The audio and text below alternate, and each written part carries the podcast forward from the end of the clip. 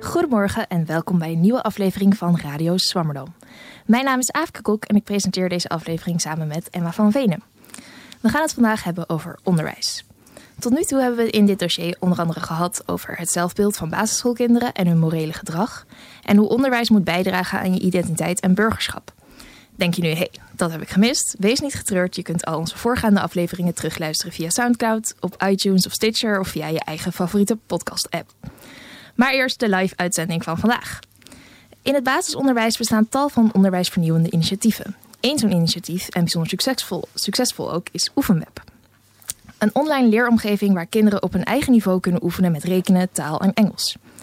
Oefenweb is een spin-off van de UvA. En de oprichter en wetenschappelijk directeur van Oefenweb, Han van der Maas, zit vandaag bij ons aan tafel. Welkom, Han. Dank je. Um, naast je werkzaamheden bij Oefenweb ben je ook werkzaam als professor van psychologische methodeleer. Is dat een beetje te combineren? Uh, nou, dat is druk. Dus uh, ik ben een verzamelaar van functies en taken. Maar uh, het ligt wel in elkaars verlengde. En het is ook een, een combinatie van... we gebruiken Oefenweb ook weer voor onderzoek. En dus het is zeker te doen. Nou, mooi. Daar horen we straks meer. Um, behalve Oefenweb hoor je van het basisonderwijs wel meer van dat soort vernieuwingen. En in minder mate ook wel op het voortgezet onderwijs.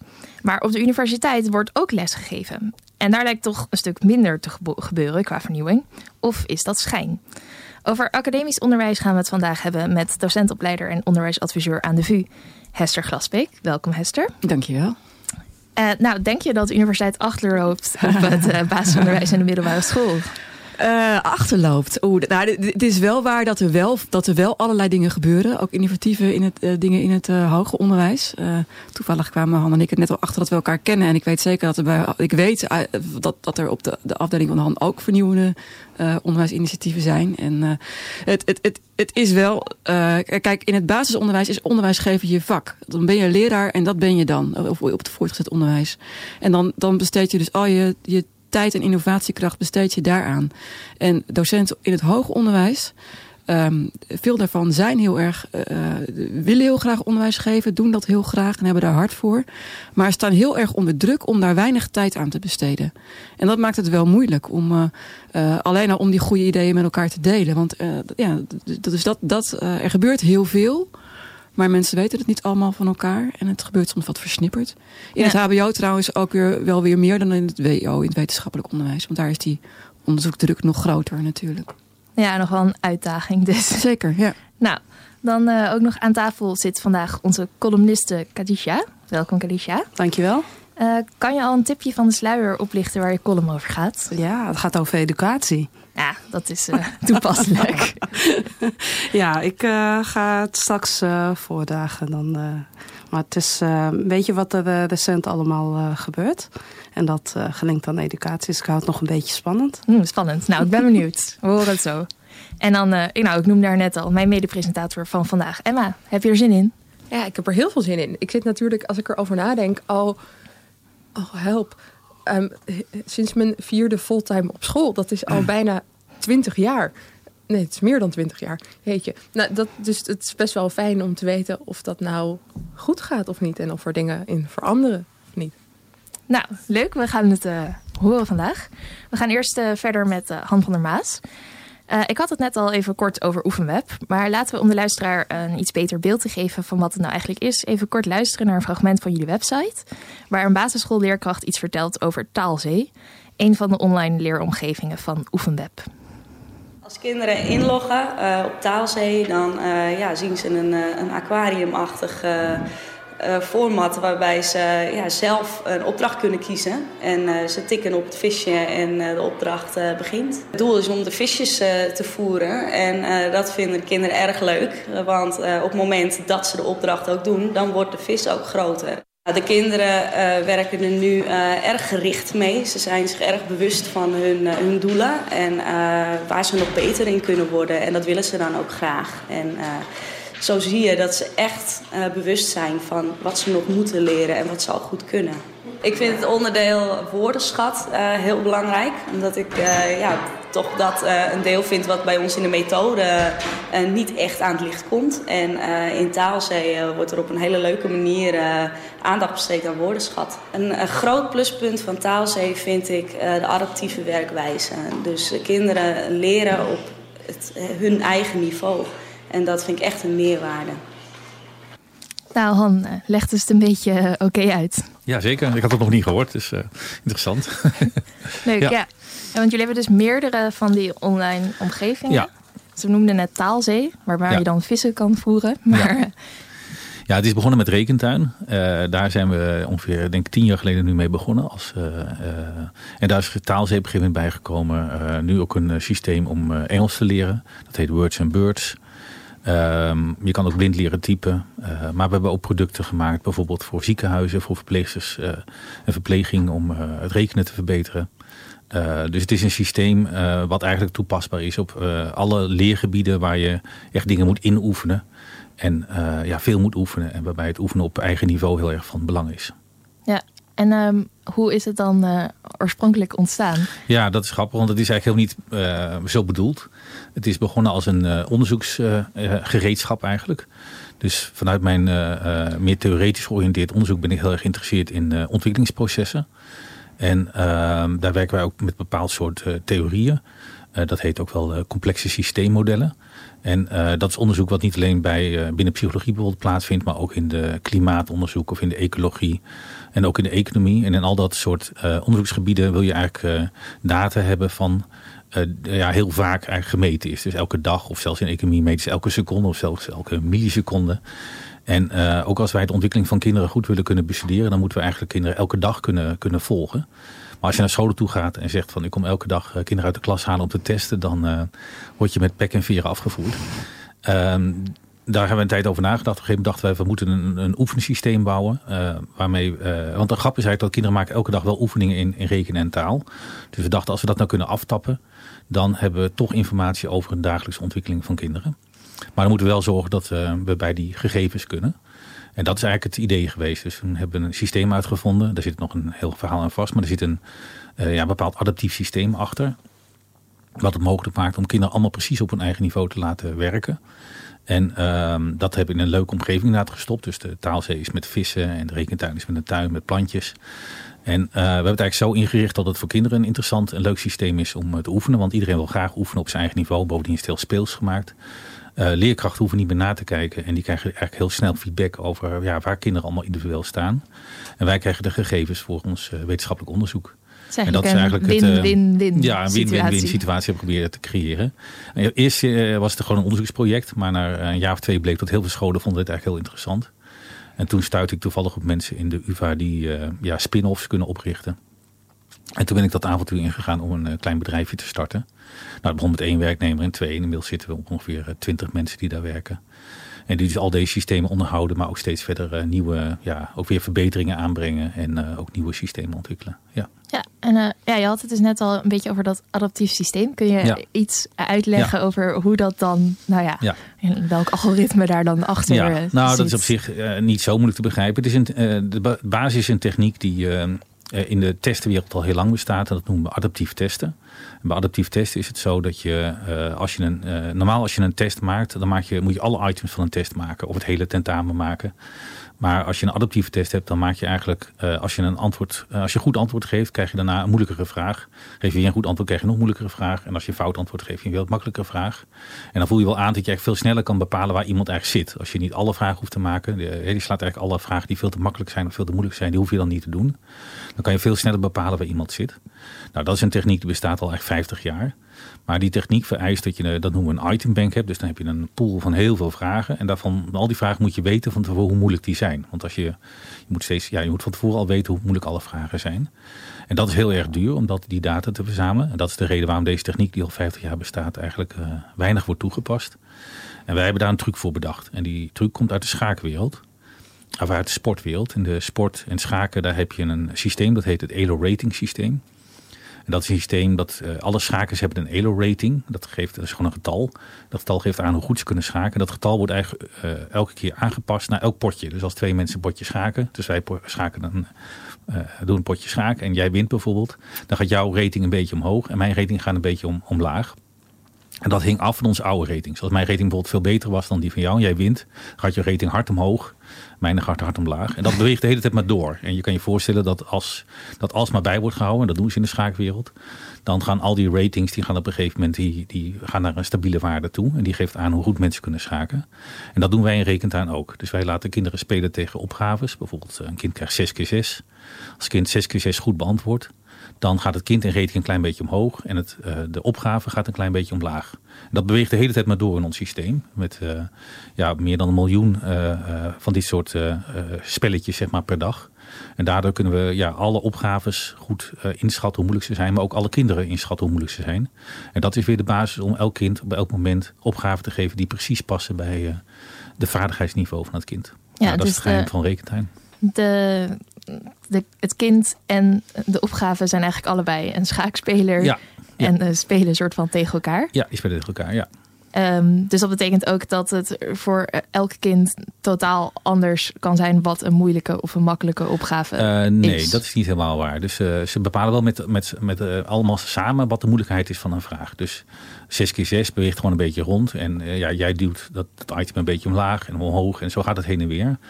En dat is wel degelijk een. een uh, de, dus de, je hebt helemaal gelijk. De, een achterliggend idee is wel degelijk dat al die opgaven die zijn te schalen. En dat dat voor alle kinderen ongeveer hetzelfde is. En dat is een kwetsbaar punt. Als er kinderen zijn die, uh, die echt een andere volgorde hebben van, van het aanleren van dingen. Dan uh, hebben wij een probleem. En dat is een van de ja, meer wetenschappelijke problemen waar we aan werken. Dat heet uh, multidimensionaliteit. Daar hebben alle testen heel veel last van. En daar hebben wij ook last van, helaas. Dus het is een mooi systeem, maar uh, nog een er zijn nog steeds uh, wetenschappelijke uitdagingen. Ja. Um, ik vroeg me af, als je um, alle kinderen moeten op een basisschool op een bepaald manier naar een bepaald niveau rekenen, uiteindelijk. Ja. En als het dus zo specifiek afgesteld is op kind, wordt er dan ook op een gegeven moment gezegd: Nou, dit kind zit nog eigenlijk te laag voor wat het zou moeten zijn. Dus ja. jij moet vaker rekenen. Ja. ja. dus we geven allerlei soorten feedback aan leerkrachten en deels ook aan leerlingen uh, van waar ze staan. En uh, vooral ook staan ten opzichte van de groep. Dus je kan in ons systeem heel makkelijk zien of het kind uh, eigenlijk op niveau is voor groep 6 bijvoorbeeld. Um, en dat zijn we eigenlijk op dit moment nog meer aan het uitsplitsen voor uh, elk, elk, leerdoel. Want elk, elk taak, bijvoorbeeld vermenigvuldigen, bestaat uit een heleboel subleerdoelen. En eigenlijk willen we nu op dit moment voor elk subleerdoel uh, gaan bepalen van uh, waar het kind staat. Zodat we kunnen zeggen van nou, het kind staat qua vermenigvuldigen redelijk op niveau. Maar ik noem maar wat, de tafel van 7, dat is nog echt een zwakke plek. En daar moet specifiek op geoefend worden. En dat zal dan ook binnen ons systeem automatisch gebeuren. Dus een kind die een bepaalde zwakke plek heeft, krijgt automatisch dan ook opgaven aangeboden uh, om dat uh, te, te doen. Wat we niet doen is instructie. Dus het, het, hele idee van de tafel van zeven keer uitleggen, dat moet nog steeds gewoon gebeuren door de school of door de leerkracht of uh, nou ja, op een andere manier. Zeg maar. Het is echt een oefen, wij noemen het een oefen-volgsysteem. Dus we kinderen kunnen oefenen en we kunnen ze volgen. Maar het is geen totaaloplossing voor het onderwijs, omdat het instructiedeel, dat is het deel wat wij eigenlijk op dit moment niet doen. Ja, maar dus, ja, het bestaat er echt naast. ja. ja. En, um, ik had begrepen dat je als, kind, als, je, als je als kind aan het eh, spelen bent of oefenweb, ja. dan uh, nou ja, is het eigenlijk het uh, belangrijkste dat je heel veel oefent. Ja. Want dan krijg je nieuwe visjes of nieuwe plantjes. Ja. Uh, en ook um, maak je een heel groot deel van de opgave altijd goed. Ja. Um, zit daar nog een gedachte achter?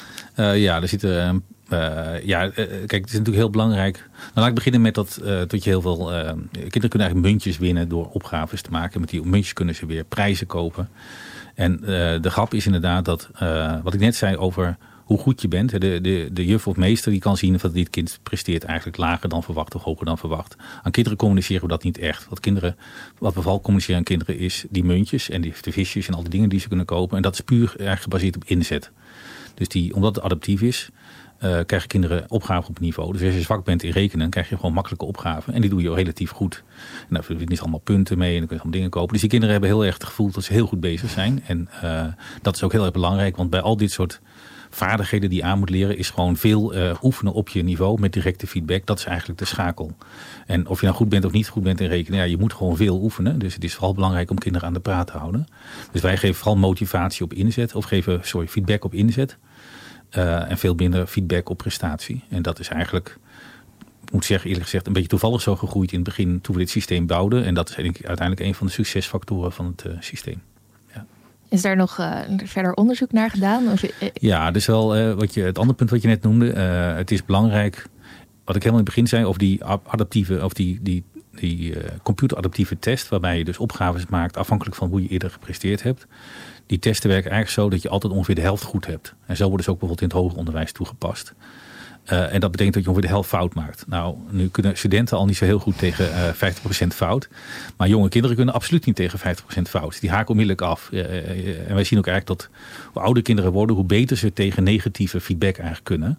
Want negatieve feedback is op zich heel waardevol. Maar jonge kinderen zijn echt helemaal niet in staat om aan negatieve feedback goed te verwerken. Maar ze kunnen er ook erg slecht tegen. Dus ze loggen onmiddellijk uit als ze drie keer achter elkaar een fout antwoorden. Dan zijn, ze gewoon, dan zijn we ze gewoon kwijt. Dus het is heel belangrijk om ze ehm, uh, ja, veel succes te geven.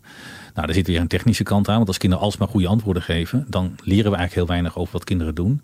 En daarom kijken wij ook naar snelheid van uh, wat kinderen doen. Dus een van onze geheimen is ook dat wij kijken naar niet alleen of je 6 keer 6 goed beantwoordt, maar ook hoe snel je dat beantwoordt. En dat is ook heel informatief. Dus wij halen vaak informatie uit de snelheid waarmee kinderen uh, dingen doen. En minder uit of ze het goed doen, omdat wij ze vaak die succeservaring willen bieden.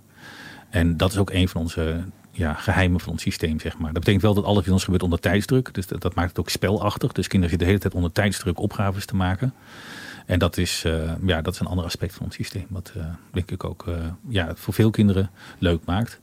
Maar we hebben ook wel kinderen horen af en toe die hebben dan het heet muntje stress. um, ja, de tijdsdruk. dat, hoewel ze daar vrij snel mee om leren gaan hoor. Het is in het begin, ja, op een gegeven moment kennen ze dit systeem gewoon wel en dan weten ze hoe het werkt. Is dat ook nog iets wat eventueel dan weer aange... echt ontzettend langzaam, dat het dan meer muntjes krijgt of zoiets? Ja, nou, we hebben nu mogelijk gemaakt dat kinderen zelf kunnen kiezen op welk niveau ze eigenlijk willen spelen. Welke, welke ehm, mate van negatieve feedback ze eigenlijk krijgen. Dus, de, dus kunnen kiezen voor 90% correct. Nou, dat is, dan krijg je dus veel makkelijke opgaven en dan is het eigenlijk een heel vriendelijk systeem. Maar dan kan je ook niet zo hard vooruit gaan. Je kan bijvoorbeeld ook kiezen voor 60% eh, correct.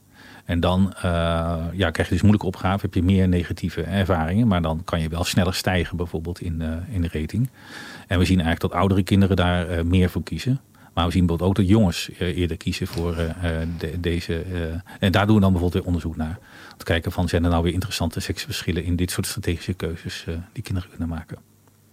Het lijkt best wel een competitief, competitieve leeromgeving. En maakt dat nog, of tenminste is dat, is dat goed voor kinderen om ze al zo jong te leren dat het dus gaat over, nou ja, in ieder geval niet per se tegenover anderen, maar wel als er een rating is. En ik weet niet of je dan van je klasgenootjes kan zien wie er staat, of dat je dan met elkaar gaat praten over hoeveel muntjes heb jij gewonnen vandaag en hoeveel muntjes heb jij gewonnen.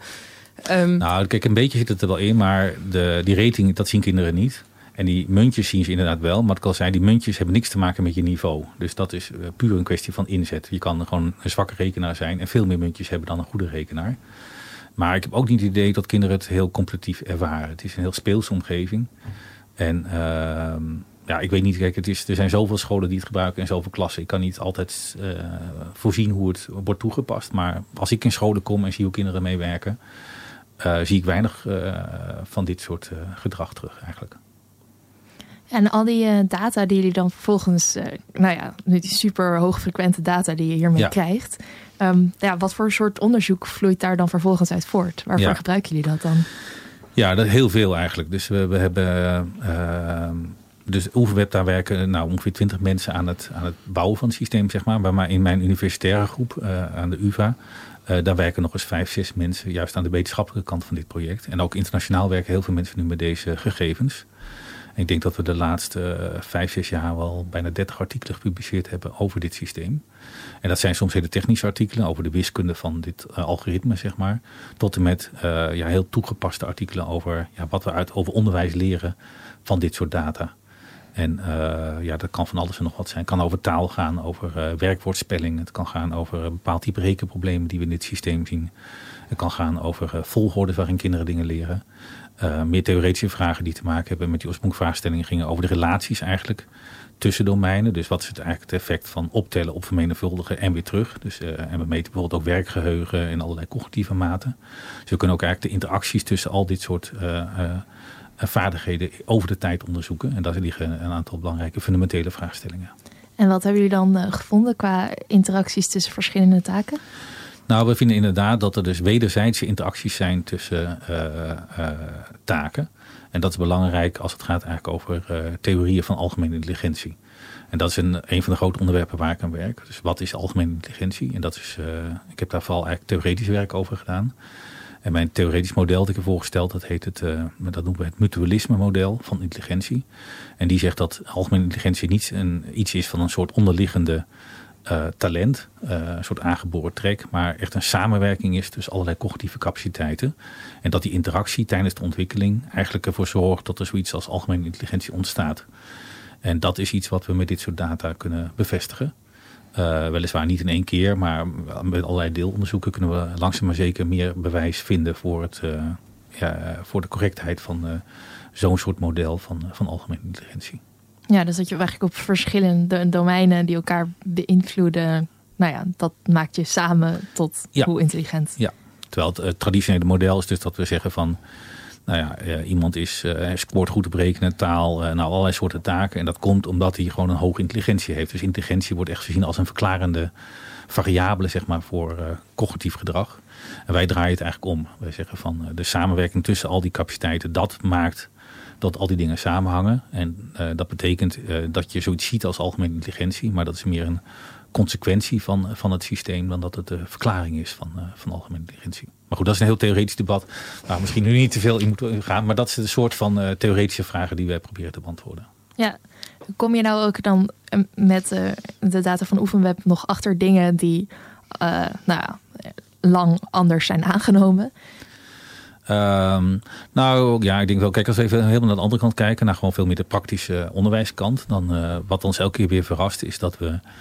Uh, kijk, die kinderen maken dus samen eigenlijk een. Uh, bepalen met, met, met elkaar samen wat de moeilijkheid is van alle vragen. Dus van vermenigvuldigen, daar hebben we iets van, laten we zeggen, 2.000, 3.000 vragen over.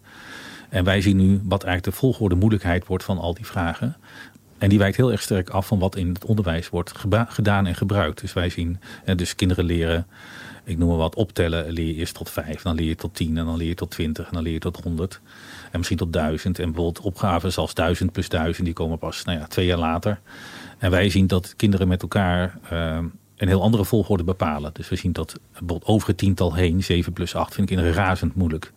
Veel moeilijker dan bijvoorbeeld een opgave als 1000 plus 1000 of uh, 70 plus 3 of uh, 80 plus 20. Het klinkt eigenlijk en, heel intuïtief. Ja, het klinkt vrij intuïtief. Um, maar ja, kinderen krijgen dus eigenlijk uh, het aangeboden op, in een methode op een, volgorde die niet lijkt een, natuurlijke volgorde te zijn die wij terugzien in ons systeem. En, um, en daar zien we heel veel voorbeelden van. En uh, uh, ja. ja, een ander voorbeeld is. wat we ook, een ander onderzoek waar we naar gekeken hebben, is dat ehm, het omdraaiprobleem wat we hebben in de Nederlandse taal met, met, met getallen, dus 23 uh, wij zeggen 23, in het Engels zeg je natuurlijk 23. Dus dat betekent dat wij het echt verkeerd omzeggen. En dat heeft, uh, als kinderen dan moeten intypen of opschrijven, ja, dat is, we snappen dat het irritant is. Daarvan denken onderwijskundigen dat, dat kinderen dat na een jaar of als ze nou, ja, groep 4 zitten, zeg maar, dan hebben ze dat op een gegeven moment wel onder de knie. Nou, wij zien heel duidelijk in onze data terug dat kinderen tot en met groep 8, de kinderen met rekenproblemen, hebben nog steeds grote problemen met deze simpele omdraaifout. En uh, dat is toch niet iets wat expliciet in het onderwijs wordt aangepakt. Dus ik zie dat best wel vaak bij kinderen systematisch voorkomen. En uh, dat is niet iets wat heel systematisch volgens mij wordt, uh, wordt opgelost binnen het onderwijs.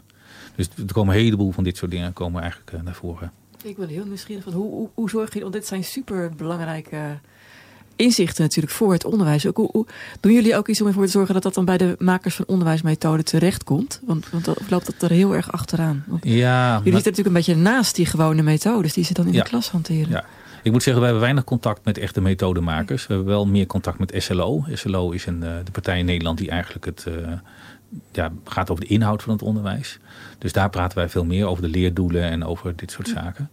Uh, ik moet zeggen, we hebben weinig directe verbanden met, uh, met de methodemakers zelf. Ja. Jammer. Ja. dus maar vloeit er dan nog wel iets terug van ja, jullie inzichten in de nou, onderwijspraktijk? Ja, kijk, een van de grote uitdagingen die ik net al zei is... Hè, wij zijn dus een oefensysteem en een volgsysteem... maar wij zijn nog geen instructiesysteem. En dat is natuurlijk wel een grote uitdaging om een totaaloplossing te, te kunnen bieden. Dus wij praten regelmatig met mensen om gewoon onze eigen methodes te gaan bouwen... gebaseerd op dit soort technieken. Maar dan praten we over hele nieuwe methodes... die volkomen afwijken aan, uh, van de klassieke methodes.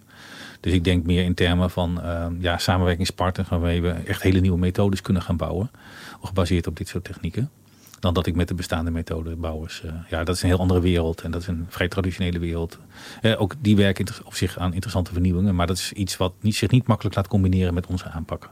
Dus, ja, maar wel een interessant streven ja. op zich. Ja. Um, ja, en nou ja, deze manier dus eigenlijk van onderzoek doen, waarbij je dus super veel data, uh, ja. nou ja, eigenlijk per toeval is dat, nou ja, kunnen jullie dat zo gebruiken. Um, is dat nog iets wat meer wordt toegepast? Of wat je vindt dat meer toegepast zou moeten worden? Um, nou, het gebeurt natuurlijk op zich heel veel. Dat, uh, de, de, de big data discussie komen natuurlijk dan in. En op zich vind denk ik wel dat we dat uh, meer kunnen moet, uh, moeten doen. Ook in het hoger onderwijs is het een, uh, een, een, nieuwe trend die heel veelbelovend is. Er zitten natuurlijk wel allerlei problemen aan vast.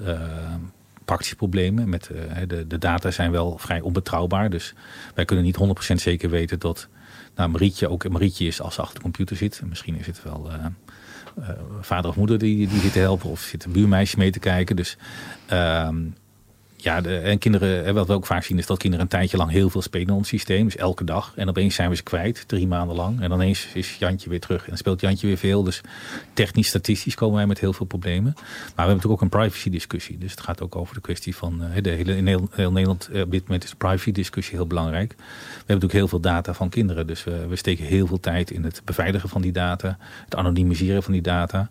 En ja, bepaald type data kan je eigenlijk voor wetenschappelijk onderzoek heel makkelijk gebruiken. Daar zit geen enkel persoonlijkheidsgegevens meer aan vast. Maar bepaalde vragen die ik net stelde over uh, bijvoorbeeld verschillen tussen jongens en meisjes en strategieën, leeftijdseffecten. Uh, misschien ook wel scholingseffecten. Dan kom je steeds dichter bij data die ook van, van uh, ja, iets over de personen kunnen zeggen. Dus we ja, zijn heel druk bezig om steeds na te denken van hoe je die data nou zo kan gebruiken. Dat je aan de ene kant het wetenschappelijk belang en het privacybelang en het schoolbelang allemaal gecombineerd kan houden. Dus het is, het is zeker een idee om dit meer te doen. Maar um, ik ga niet zeggen dat het simpel en eenvoudig is, zeg maar. Er komt, er komt een heleboel bij kijken om dit op een goede en verantwoordelijke manier te doen. Ja, ja dus het is nog wel een, uh, uitdagend, maar wel een, een uh, nou ja, wel een nastrevenswaardig. Ja, ja zeker. Ja. Nee, het is heel veelbelovend, denk ik. En uh, zijn jullie, nou ja, tot slot nog van plan om, wat, staat er, wat staat er op de planning? Zijn jullie nieuwe onderzoeken? Um, ja, dus de, een van de, van de belangrijke dingen die je kan doen in dit soort systemen, dat heet A-B-testing. En B-testing, dat is wat uh, heel veel internetbedrijven al lang doen. Google en Booking.com en al dat soort bedrijven. Die doen eigenlijk voortdurend kleine experimenten binnen hun systeem. Die doen wat andere lettertypes. Alles wat ze eigenlijk veranderen, dat testen ze eerst uit door eigenlijk een experiment uit te voeren. Waarbij je zegt, nou een random deel van de, van de uh, gebruikers krijgt dat te zien, een ander deel niet. En kijken ze wat er gebeurt. Uh, nou, in het onderwijsonderzoek gaan we het zo meteen misschien over hebben. Uh, is het doen van randomized blind uh, trials, zoals dat heet. Dus het, het echte experiment. Daar is hele grote behoefte aan, maar is heel moeilijk uitvoerbaar. Het is heel moeilijk om naar scholen te gaan en echt random groepen in te delen. En, en dubbel blind is eigenlijk ook niet uitvoerbaar. In dit soort systemen kunnen we wel degelijk dit vaak uitvoeren, zeg maar. Weliswaar niet op alle vragen, maar de impact van een bepaalde soort van feedback of een bepaald soort instructie of... Uh, die kunnen we eigenlijk uit. Stel dat we bedacht hebben dat wij bepaalde, als kinderen bepaalde fouten maken, een bepaald soort feedback willen geven. Of een hint willen geven, het effect van hints. Wij kunnen dat eigenlijk heel makkelijk uitvoeren op een volledige ja, wetenschappelijke manier. Door een deel van de kinderen hints te geven, een ander deel niet. En dan te kijken wat, er dan, uh, eigenlijk wat dat van effecten heeft, van leereffecten heeft. Dat is eigenlijk een hele goedkope manier van, van het doen van dit soort onderzoeken. Die je eigenlijk in het normale onderwijskundig onderzoek heel erg moeilijk kan uitvoeren. En dat is, uh, dat is een van de volgende stappen die we waar we werken in het onderzoek. Ja, leuk. Ik ben benieuwd. Okay. Uh, heel erg bedankt alvast. Okay. Um, dan gaan we nu uh, verder met de column van Kadisha. Wil je hem nog toelichten of uh, ga je meteen van start? Um, ik ga meteen van start. Nou, ga van start. De filosoof Plato heeft niet alleen invloed gehad op ons denken, maar ook op de wijze waarop wij in het Westen tegen educatie aankijken. Plato's idee van een indeling betreffende educatie hangt hoogstwaarschijnlijk echt samen met zijn begrip aangaande de transcendentale vaste vormen. Een positie waarin alles en zodoende ook de mens in bepaalde natuurlijke klassen valt. De indeling van een maatschappij is afhankelijk van de kennis van haar eindstadium. We zijn overgeleverd aan het ongeluk en de grillen van het leven als wij volgens Plato niet ons eind kennen. In Nederland moeten kinderen al vrij jong in hun tienerjaren een bepaalde profielkeuze maken. Dit wordt gezien als een mooie voorbereiding op de latere studiekeuze. We lijken, net als Plato, te denken dat als onze kinderen niet hun educatieve einddoel kennen, zij overgeleverd zullen zijn aan de grillen van het educatiesysteem en daarmee het leven. Volgens filosoof, psycholoog en pedagoog John Dewey had Plato geen oog voor het unieke aspect van, de, van het individu. Individuele mensen vallen zodoende van nature in klassen. Dit doet blijkens Dewey geen recht aan de diversiteit en actieve mogelijkheid die individuen in zich hebben. Daarbij is elk individu gesitueerd in een biologische en sociale omgeving. Een omgeving waarin constant problemen verrijzen en bijgevolg het individu moet reflecteren, handelen en leren. Dit staat lijnrecht tegenover Plato's idee van leren, waarbij leren op een passieve wijze in de vorm van zien wordt uitgelegd. Voornamelijk deze passieve vorm van leren heeft ons discours over educatie gevormd.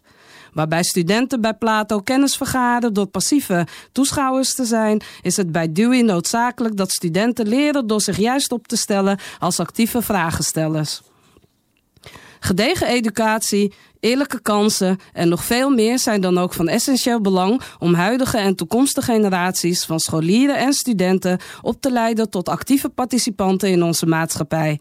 Echter, de laatste jaren neemt de kansenongelijkheid in het voortgezet onderwijs steeds sterker toe.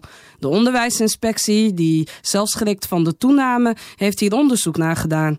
Daar, daarboven is er op scholen en universiteiten een toename van psychosociale klachten, depressie, angst en burn-out. Onder studenten in het hoger onderwijs blijkt nu ook dat studenten steeds vaker psychische klachten hebben. Een voorstander van gelijke kansen in het onderwijs was de auteur, socioloog, historicus en burgerrechtenactivist W.E.B. Dubois. Hij geloofde dat educatie een fundamenteel recht is, om welke reden dan ook niet in gevaar gebracht mag worden. Dubois was er ferm van overtuigd dat educatie mensen juist verheft en dat niet enkel werk onderricht moet worden, maar ook het leven. Hierbij moeten we ons volgens Dubois onder andere blijven afvragen wat het doel van educatie is. Intellectuele tradities en educatie in het algemeen zijn net als de mens ook aan verandering onderhevig. Niet enkel moeten wij ons blijven afvragen wat en hoe er precies onderricht wordt, maar ook hoe we gelijke kansen en het welzijn van studenten kunnen bevorderen. Net zo min wij onze studenten aan het ongeluk en de grillen van een onrechtvaardig systeem willen overleveren, moeten wij hen ook niet richting een overactief, op een prestatiedruk gebaseerde vorm van educatie drijven. Bedankt, Karisha. Alsjeblieft.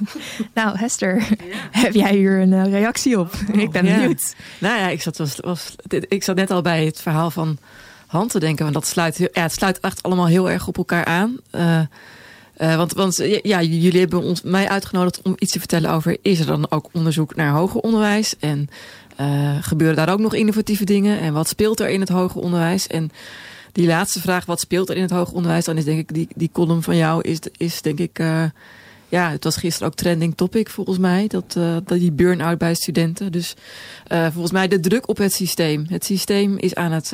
ja, als je naar het hoger onderwijsstelsel kijkt, naar het universiteit. Nee, ik, weet dan het meeste van het universitair onderwijs. Maar ook in het HBO is de, de druk op docenten en studenten heel erg groot. En... en ja, ontstaat wel steeds meer het idee van we moeten iets met z'n allen. Uh, uh, ook die kansongelijkheid die, uh, die toenemen.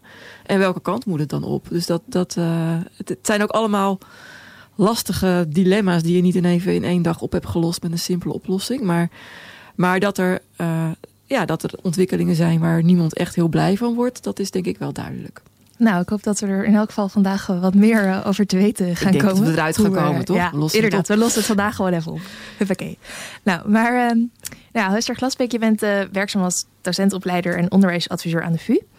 Uh, en voor je werk hou je onder andere dus ook in de gaten wat voor soort onderzoek wordt er nu gedaan naar academisch onderwijs. En dat probeer je dan vervolgens ook echt in de praktijk te vertalen. Klopt dat een beetje? Dat klopt, ja. Dat is een groot, belangrijk deel van mijn werk. Ja. Ja, nou ja, wat weten we dan eigenlijk over wat goed hoger onderwijs is? Ja, nou ja, voor een deel is dat niet zo heel erg anders dan wat we weten over wat er wat goed primair of voortgezet onderwijs is.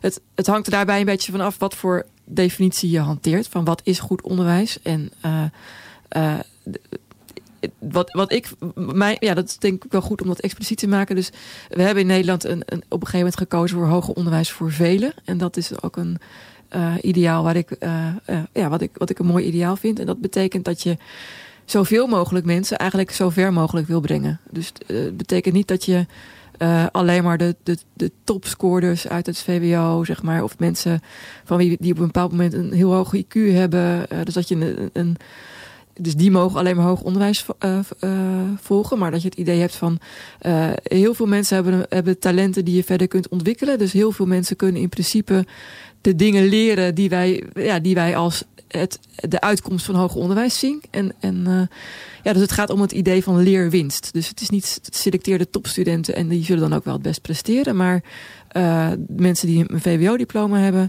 die hebben in principe laten zien dat ze een bepaald niveau aan kunnen. En uh, ja, die zou je dan zoveel mogelijk willen leren in dat hoger onderwijs. En hoe zit dat dan met de toename van selectie aan de poort? Ja, ja. Nou, ik, ik denk dat dat Um, dat, dat, dat wordt misschien een van de keuzes als je kijkt naar de discussies die nu in het hoger onderwijs spelen. Er is bijvoorbeeld Bert van der Zwaan, de rector van Utrecht, die heeft een, uh, een boek gepubliceerd uh, niet zo lang geleden. Dat heet uh, Haalt de Universiteit 2040. En dat boek heeft veel teweeg gebracht, heeft veel impact. en hij, een van de dingen die hij zegt is van we, er moeten gewoon veel minder studenten naar de universiteit. Er gaan veel te veel studenten naar de universiteit die helemaal geen wetenschappelijk onderzoeker moeten worden Laten die naar het HBO gaan. Uh, uh, Universiteit Utrecht zou een soort Harvard aan de Rijn kunnen worden. Uh, met uh, ja, gewoon de top, die gaat daarheen. En anderen gaan ergens anders heen. Dat is, dat is een, een opvatting. en dat, het zou kunnen dat een deel van de universiteit zich op die manier gaat pro profileren. Zeg maar. Terwijl een ander deel, zoals de, de VU waar ik werk. Maar ik, ik ja, de, de UvA weet ik eigenlijk niet zo goed waar die staat in dat in dat spectrum. Maar die zeggen meer van, nou ja, uh, wij, willen inclusief zijn. Wij willen voor zoveel, zo'n breed mogelijke groep er zijn. En 18-jarigen hebben niet allemaal dezelfde kansen gehad. ja, dus die, die ongelijkheid die je daar ziet, is niet per se een gevolg van ongelijkheid in talent. Of, of dat, ja, die hebben niet allemaal de tijd en de ruimte gehad om dat te ontwikkelen. Uh, dus ja, wij willen uh, ook voor tweede kansers een, uh, een goede plek bieden om, om, zich te kan, om zich die kansen te geven om wel op dat niveau te komen. maar dat betekent wat, iets voor je, het soort onderwijs wat je aanbiedt. En dat betekent iets ook voor de middelen die je voor bepaalde dingen moet, moet krijgen. En dat is natuurlijk een dilemma. Ja, op dit moment is het nog heel onaantrekkelijk voor universiteiten om bijvoorbeeld die tweede kansers een een goede plek te geven. Ja, want die zitten ook gebonden aan financiën. Ja, die, uh, die spelen nogal ja, een rol. Ja. Die weer uh, afhankelijk zijn van hoeveel studenten er dan vervolgens afstuderen. of, uh, precies. Dat soort bekende rendementsverhaal. Ja. Ja. nou maakte Tegenlicht een tijd geleden ook een aflevering over de toekomst van de universiteit. Ja. Um, en een van de dingen die ze daar bespraken was Coursera, een online omgeving waar colleges worden aangeboden. Uh, laten we even luisteren naar een fragment. Uh, let op, het is wel in het Engels voor het grootste deel. Coursera werd mede opgericht door een hoogleraar kunstmatige intelligentie, Daphne Koller. In many ways, the educational experience that universities have been offering to their on-campus students has not changed substantially in 100, 200 years. Uh, you, you, know, if a professor went to sleep in their classroom uh, 150 years ago and woke up today, they would know exactly where they are and what they're supposed to do. Our instructors, when they create a course, don't just record their traditional in-class lectures. We find that that kind of user experience is not one that people really find engaging in an online format. And so they create content specifically for online delivery. These are short modular lectures of maybe eight minutes, interspersed with a lot of exercises and activities, with a rich community of worldwide learners around them that forms around the course material. And so you can really create a very unique course experience that is geared for online consumption. but I think in the next phase of our evolution, an important question that we'll be able to answer is given what I know about you and what works for you and what's worked for other students who are similar to you, I'm going to recommend that instead of going in this direction, you go in that direction. You go back and watch that video. You try this assignment rather than that assignment because you seem to resonate better with that kind of example. And I think that's going to create an even bigger step function. Ja, ik denk uh, dat ze eigenlijk twee heel interessante punten aanstipt. Ten eerste, nou ja, als een hoogleraar 200 jaar geleden in slaap was gevallen en hij zou nu wakker worden, kan hij zo weer uh, voor het college uh, gaan staan. En ten tweede, die adaptiviteit die ook bij Oefenweb terugkwam, ja. lijkt dus misschien ook wel interessant voor de universiteit. Zeker, ja. ja. Ja, en ik, ik denk dat je, ik, ik ben het er wel en niet mee eens. Ik denk dat je heel, op heel veel plekken door de universiteit kan lopen en inderdaad hoogleraren ziet staan die, die, uh, die er 200 jaar geleden ook op die manier hadden kunnen staan. Uh, tegelijkertijd gebeuren ook echt, echt wel hele interessante dingen. En we, ja, we, we weten inderdaad uit onderzoek dat uh, alleen maar luisteren naar hoorcolleges, dat je daar, daar dat het effect daarvan op je leren maar heel beperkt is. Hoorcolleges kunnen echt wel een functie hebben, maar die moeten dan heel erg geïntegreerd zijn in een, ja, in een structuur waarin, ja, waarin duidelijk is van dit hoorcollege is er je om je te inspireren. Of zoals zij zegt, die korte module, eh, kennisclips worden bijvoorbeeld steeds uh, populairder. Een korte uitleg over een onderwerp waarvan we weten van dit vinden studenten moeilijk. Of dit is een concept dat cruciaal is voor de opdracht die je nu aan het doen bent. En dat kan je dan ook een paar keer kijken, zodat je het gaat snappen. Uh, uh, dus dat, daar kunnen hoorcolleges nog steeds een goede rol in vervullen. Maar het, gewoon het, niet nadenken over hoe geef ik mijn onderwijs vorm. En het, het is gewoon altijd twee hoorcollege en, en, uh, en iemand gaat staan praten. Dat heeft gewoon echt weinig effect op het, op het leren. Maar uh, nou, ik, hoorde bijvoorbeeld van de week, was even op zoek naar, naar mooie voorbeelden van een docent die uh, criminologie, die nu uh, een vak gaat geven in de gevangenis met haar studenten. Dus die gaat dan, die, die geeft dan ook hoorcolleges, maar die vinden dan daar plaats, korte verhalen. En die studenten hebben een opdracht en je moet die opdracht samen uitvoeren met een gedetineerde. Dus die krijgen dan samen met de gedetineerde de opdracht om ik, ik weet niet precies wat de, wat, de opdracht is, maar het gaat over verklarende variabelen voor waarom je in de criminaliteit belandt. Uh, dus daar moeten ze dan samen de gedetineerden iets over uitzoeken. En dan kun je je voorstellen dat dat, een hele andere uh, ja, leerresultaat geeft dan wanneer je elke week gaat luisteren naar... deze week praten we over de sociale factoren die bijdragen aan de criminaliteit. Deze week praten we over de, ge, nou, de gedragscomponent. Dus de, de, de aspect, het traditionele aspectenopbouw. Van elke week een ander type verklaring voor crimineel gedrag. Dat, dat, die, die studenten leren iets heel anders. Het staat en waarschijnlijk veel dichter, meer, ja, veel dichter bij de praktijk ook. Het staat dichter bij de praktijk. Ze leren ook iets over uh, hun, hun, die, die, die gedetineerden zijn een soort ja, zijn de doelgroep die zij bestuderen. En die leren ze op een hele andere manier kennen dan een rijtje kenmerken van, uh, ja, van wat, wat die mensen zijn. Dus ik denk dat dat hele mooie voorbeelden zijn. En zo zijn er. Dit, dit, dit is er eentje die genomineerd is voor een prijs. Dus het is geen standaard uh, project. Maar op heel veel plekken zijn docenten op grotere en kleinere schaal op die manier aan het nadenken. Hoe, hoe kan ik die studenten een andere ervaring bezorgen, waardoor het veel dieper landt wat ze, ja, wat ze bestuderen. En komt dat dan vanuit zo'n docent zelf, die gewoon geïnspireerd is door uh, nou ja, zijn onderwijskundige krachten? Of um, wordt dat dan nou ja, door mensen in een functie zoals jij um, aangewakkerd? Allebei, denk ik. Ik denk dat het.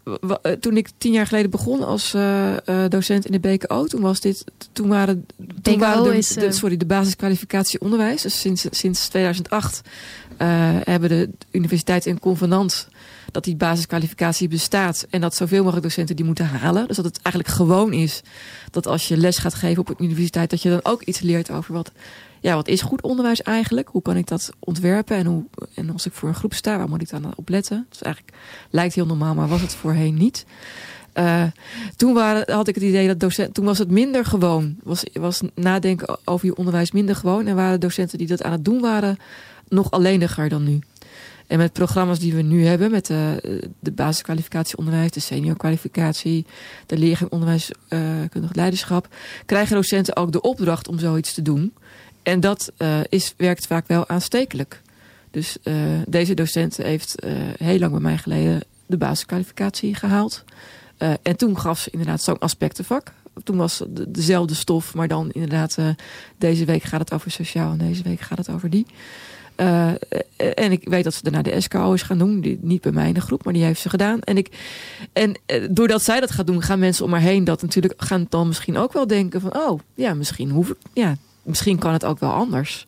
Dat, dus het, ja, dus het, het systeem eromheen moet wel, de, de, context moet wel je stimuleren en ook belonen voor dit soort initiatieven. En dat, dat is allebei ook nog niet zo heel erg goed geregeld, moet ik eerlijk zeggen. En meer uh, grotere structurele uh, dingen, want bijvoorbeeld uh, in het beta-onderwijs is het heel gebruikelijk dat je eerst heel veel theorie krijgt en begeleide practica. En dan uh, aan het einde word je in het diep gegooid. Ja. Ga maar onderzoek doen. Ja. Nou, denk ik zelf dat dat niet een heel handige uh, tactiek is. Nee. Um, maar het wordt wel uh, ontzet, bij ontzettend veel opleidingen op ja. dezelfde structuur um, toegepast. toegepast. Um, denk je dat daar nog een verandering en waar zou die vandaan moeten komen? Ik denk dat het stapje voor stapje gebeurt. Maar het lijkt een beetje op, eigenlijk ook weer op wat Al net zei, dat in de onderwijsmethode, dit is een hele traditionele manier om te denken hoe kennis ontwikkeld en opgebouwd wordt in de hoofden van studenten. Je begint eerst met heel veel basiskennis, inleiding A, inleiding B, inleiding C. Uh, en met het idee van, en dan weet je dat allemaal. En dan kan je er in jaar twee of drie, kan je er iets mee gaan doen. En dan zijn docenten Jan wil iets zeggen, hè? zie je. Ja, nou, Ik, ik zit, kijk, juist in, in, uh, in, in, in, de, in de beta-hoek is het natuurlijk wel zo dat... Um, ja, daar is zoveel uh, kennis verzameld uh, over de laatste, nou ja, eigenlijk een paar eeuwen. Dat, dat kan je als student niet allemaal zelf gaan lopen ervaren, nee. zeg maar, in practica. Dus ja, het, het, is deel wel ook deel van de, van de universiteit. kijk, ik ben ook absoluut niet dol op hoorcolleges. En ik weet hoe wetenschappelijk onderzoeken naar is zeker niet positief. Maar Um, voor een deel is universitair onderwijs ook gewoon ja, kennis doen van uh, heel veel uh, uh, ontdekkingen. En, en, en, zeker in, hoe meer je in de, in de natuurkunde of in de bedhoek komt, ja, dan, dat is best wel een lange tijd dat je ook gewoon moet accepteren dat je gewoon een heleboel stof moet aanleren eigenlijk. Zonder dat dat uh, direct enige praktische consequenties ja. heeft. Of ook niet zelf te ja. ontdekken of te ervaren is, zeg maar. Okay. Dat betreft kan je beter een vak doen uh, als psychologie. Okay. Uh, daar ik, ben je... toch, ik ben het er toch niet helemaal mee eens. Want, ik, want ik, ik, ik, ik, dat, dat is waar. Ik, ben, ik zeg niet, hè, want je hebt, die, die, die benadering heb je ook bijvoorbeeld bij het Freudenthal Instituut. Daar hebben ze lange tijd het idee gehad van leren betekent dat je eigenlijk zelf alles moet ontdekken. Dus, dus rekenen leer je door, door zelf de, de, de, de ontwikkeling door te maken die de, die de, de, wiskunde, die wiskunde zelf heeft doorgemaakt. En dat, dat uh, nou goed, er zijn alle haken en ogen aan. Het, het gaat er mij meer om dat als je zegt van we gaan de eerste drie jaar uh, ga je alleen maar leren over wat anderen ontdekt hebben. En dan ga je zelf iets doen. Dan blijkt in de praktijk dat die, dat eerste jaar, die, die kennis is gewoon weg. Dat is, en dan zijn docenten daar geïrriteerd over. Van, die hebben dat toch gehad in het eerste jaar. Maar het ja. is, zo werkt leren niet. Dus het, het kan heel goed dat je zegt van nou we beginnen met. We, we beginnen met. Je moet eerst even een kader hebben. Dus we beginnen met de kapstok in week 1. Ga je dat krijgen? Dan ga je een opdrachtje doen. En dan ga je er tegenaan lopen dat je dacht dat je het snapte, maar je snapt het nog niet. Dan krijg je feedback. En uh, dus, dus het, het, gaat meer om uh, dat ook daarin dat, dat ja. studenten niet anders daarin zijn dan, dan anderen. Dat je dingen niet. Je, je krijgt niet die hele uh, de kennis van de afgelopen honderden jaren in dat hoofd. Je kan het wel vertellen, maar dan, dan zit het nog niet in dat hoofd op de manier zoals het bij die expert in het hoofd zit. En om, om dat op te bouwen, dat gaat stapje voor stapje. En dat gaat met een afwisseling van iets tot je nemen op, op een, nou ja, die passieve luister, uh, nou ja, wat, wat je dan, uh, manier of lezen. Daar met elkaar over praten, gaan, gaan denken van wat, ja, wat is hier nou eigenlijk de, de clue van? En dan iets doen en tegen je grenzen aan, van je begrip aanlopen. En dan ontdekken wat, je, wat het volgende stapje kan zijn. Dus dat, dat daarom denk ik van die klassieke indeling van jaar 1 is alleen maar inleiding dit, inleiding dat. En daar zijn docenten ook vaak bang voor. Als je dan zegt van nou doe eens een opdracht in het eerste jaar. Dat, op heel veel plekken gebeurt dat wel hoor. Maar er zijn ook docenten die zeggen van ja maar dat kunnen ze niet.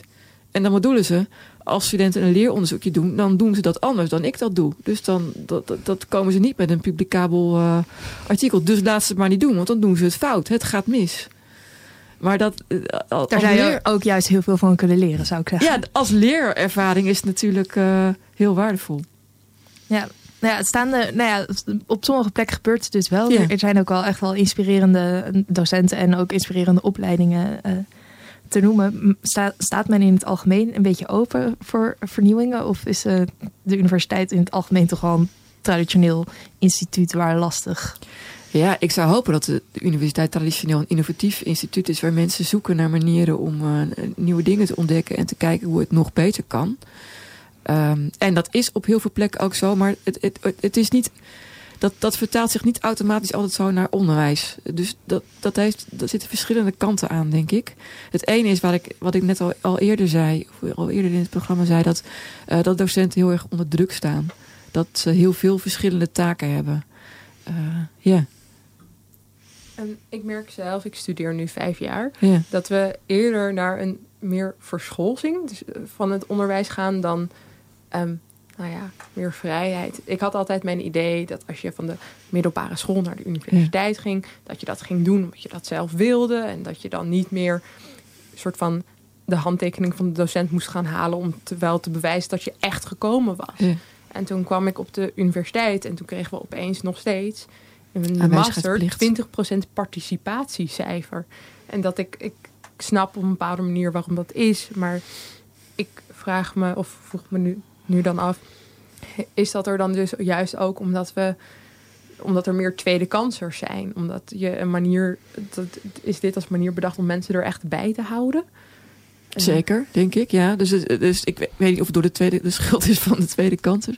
Maar uh, nee, er zit, je, zit, je, hebt allerlei, je hebt allerlei spanningen waar je mee te maken hebt. Uh, uh, we weten dat, eh, kijk, je wilt studenten opleiden tot mensen die eigen keuzes maken, die zelf verantwoordelijkheid nemen, die, die uh, nieuwsgierigheid volgen. maar daar zijn ze vaak nog niet als ze aan een eerste jaar beginnen. Ik vind de master trouwens wel. Ik vind ja, daar zou je wel willen dat, dat die participatieplichtpunten dat dat eruit is. Hoewel je in de master nu natuurlijk weer een hele nieuwe situatie hebt, omdat dat die vaak internationaal zijn en je dan weer heel erg gemengde groepen hebt. Uh, maar nu dwaal ik een beetje af. Uh, maar je wilt mensen opleiden die die, die, die, die, die zelfstandig autonome wezens zijn, die nieuwsgierig, nou, die, die wetenschappelijk geïnteresseerde mensen. Maar er zit een, een soort leerlijn. Zit wel, dit idee is nu wel dat er een, soort leerlijn in moet zitten. En we zien ook dat die overgang van voortgezet onderwijs naar hoger onderwijs is heel erg cruciaal. En daar verloren we vroeger heel vaak mensen, zodat ze dan in een soort woestijn terechtkwamen van zoek het allemaal zelf maar uit. Uh, ja, en dus daar wil je een soort eh, compromis in vinden. En ik, ik, zie wel dat op veel plekken doorschieten. Dat, dat moet ik, dat dus dan gaat het, dan wordt het alleen maar vinkjes en puntjes sprokkelen. En dan haal je bij alle partijen de motivatie eruit, zeg maar, bij docenten en studenten. Aanvullen de, ja. En dit viel steeds al het woord selectie en toegankelijkheid. Maar het probleem van de afgelopen, nou zeg maar, twintig jaar in het hoger onderwijs was eigenlijk veel meer uitval dan uh, toegankelijkheid. Dus toegankelijkheid is eigenlijk uh, volgens mij heel goed en die neemt alleen maar toe. Maar we, als, als er daarna heel veel uitval is, en die liep soms in de nou, 10, 20 jaar geleden, soms wel in de 80 procent. En zeker selectieve uitval voor bepaalde groepen, dat is veel ernstiger dan, uh, dan het selectieprobleem. Dus, en, dat is die, en, en uh, daar hebben universiteiten op gereageerd met soms ook een verscholzing van het curriculum. En ik denk inderdaad dat we daar soms wel in doorgeschoten zijn. Maar dat is wel een reactie geweest op uh, hele slechte rendementcijfers die we 10, 20 jaar geleden aan de universiteiten hadden. Daar is ook die BKO uit voorgekomen en al dat soort zaken. En op zich ben ik er heel optimistisch voor, maar daar zitten af en toe wel handjes aan dat je denkt van oké, okay, kan het niet wat minder, ja. Ja, ik denk zelf, want je ziet vaak heel veel studenten afvallen in het laatste deel. Zeg maar als ze die scriptie moeten schrijven of die onderzoekstage. Waarbij er amper nog begeleiding is mhm. vanuit de universiteit. Dan denk ik, nou, dat mag van mij wel wat schoolser. Ik loop nu toevallig uh, ook weer een stage waarbij ik wel elke maand ook een intervisiegroep mhm. heb. En ik denk, nou, dat, dat is nou een goed initiatief. Ja. ja, want er zit ook wel iets aan. Kijk, het, het is vrij menselijk om. Uh, de, iedereen heeft de behoefte bijvoorbeeld om gezien te worden. Hè? dus uh, je kunt wel zeggen, zoek het zelf maar uit, want dat moet je nu kunnen. Uh, maar de meeste mensen. ja, reageren vrij goed op deadlines. Er zijn weinig mensen die echt alle motivatie voor alles, alle goede dingen allemaal uit zichzelf kunnen halen. En als jij studeert en er is geen enkele verplichting eigenlijk. Het maakt niemand iets uit of jij komt of niet en wanneer je iets inlevert. Uh, en je hebt daarnaast een baantje waar, waar het wel iets uitmaakt of je er om negen uur bent. En je hebt een, uh, een vriendin die veel aandacht wil en je ouders. nou, dan, dan, dan gaat de aandacht sneller naar de dingen die, die trekken. en als de universiteit zegt, nou ja, je, je, bent hier uit pure vrije wil, zoek het zelf maar uit. Dan zie je gewoon dat mensen gaan dweilen. En dan, ja, dat is denk ik voor. het, is, het is ook menselijk om, om een behoefte of, of ja, om, om baat te hebben bij structuur en deadlines. Dat, dat, ja. Ja, we zijn alweer bijna door de tijd heen. Dus uh, als slotvraag, hoe zie je de toekomst? Gaan we van de hoorcolleges af? Nou ja, dat, ik denk in de, in de klassieke vorm van dat het onderwijs vooral hoorcollege is, dat denk ik wel. Dat denk ik wel. Ik denk wel dat, dat verhalen de goede de, uh, expert, die, experts die, uh, die goede verhalen vertellen en, en, over een onderzoek kunnen vertellen. Nou ja, zoals we eigenlijk Han net hebben horen doen, dat dat, dat blijft een, een, een, zeker een hele belangrijke functie houden. Maar als enige onderwijsvorm heeft het zijn tijd gehad. Ja, precies. Ja, dus, maar Ehm, en op welke termijn denk je dan dat dit gaat plaatsvinden? Ja, er zijn natuurlijk universiteiten, bijvoorbeeld Twente, eh, daar hebben ze al, zijn ze al helemaal om naar projectonderwijs. Uh, uh, misschien ga je wel. Dat gaat echt heel snel. En dat komt ook door het punt wat je net maakt over Coursera. Kijk, de beste lectures staan gewoon online. Dus ja op een gegeven moment heeft het heel weinig zin om nog daar weer voor de klas te gaan staan. Het is allemaal online materiaal. En je kan als docent veel beter je tijd steken in die werkgroepen en al dit soort andere vormen. Want juist hoorcolleges, dat is nou iets wat zich heel makkelijk toegankelijk laat maken via het internet. Dus uh, dat gaat heel snel, denk ik. Nou, leuk. Ik uh, ben benieuwd. Ik hoop dat ik het uh, mee ga maken. Dat mijn kinderen op een ander soort universiteit zullen zitten dan ik zelf. um, nou, ik hoorde Eindtune alweer lopen. Dus dat betekent dat we helaas aan het einde zijn gekomen. We hadden het vandaag over onderwijs, van de basisschool tot de universiteit. Over hoe een webtool voor adaptief leren bij basisschoolkinderen niet alleen voor hen veel oplevert, maar ook voor de wetenschap. En over de rol van onderwijsvernieuwing op het traditionele instituut dat de universiteit eh, altijd lijkt te zijn. Heel veel dank eh, aan mijn gasten vandaag, Han van der Maas en Hester Glasbeek. Ook dank aan Kadisha voor je mooie column. En mijn mede-presentator van vandaag, Emma. Het technicus vandaag was Maribeth, jij ook bedankt. Ben je aan het eind van deze aflevering gekomen? Wees niet getreurd. Op onze website www.radioswammerdam.nl kun je nog veel meer afleveringen vinden om terug te luisteren. Volg ons ook op Facebook en Twitter en like ons op Instagram. Volgende week gaat Emma het hebben over de geschiedenis van mensen en water. Dus luister volgende week ook weer. En voor nu nog een hele fijne zondag. Geniet van het lekkere weer. Mijn naam is Aafke Kok en dit was Radio Zwammerdam.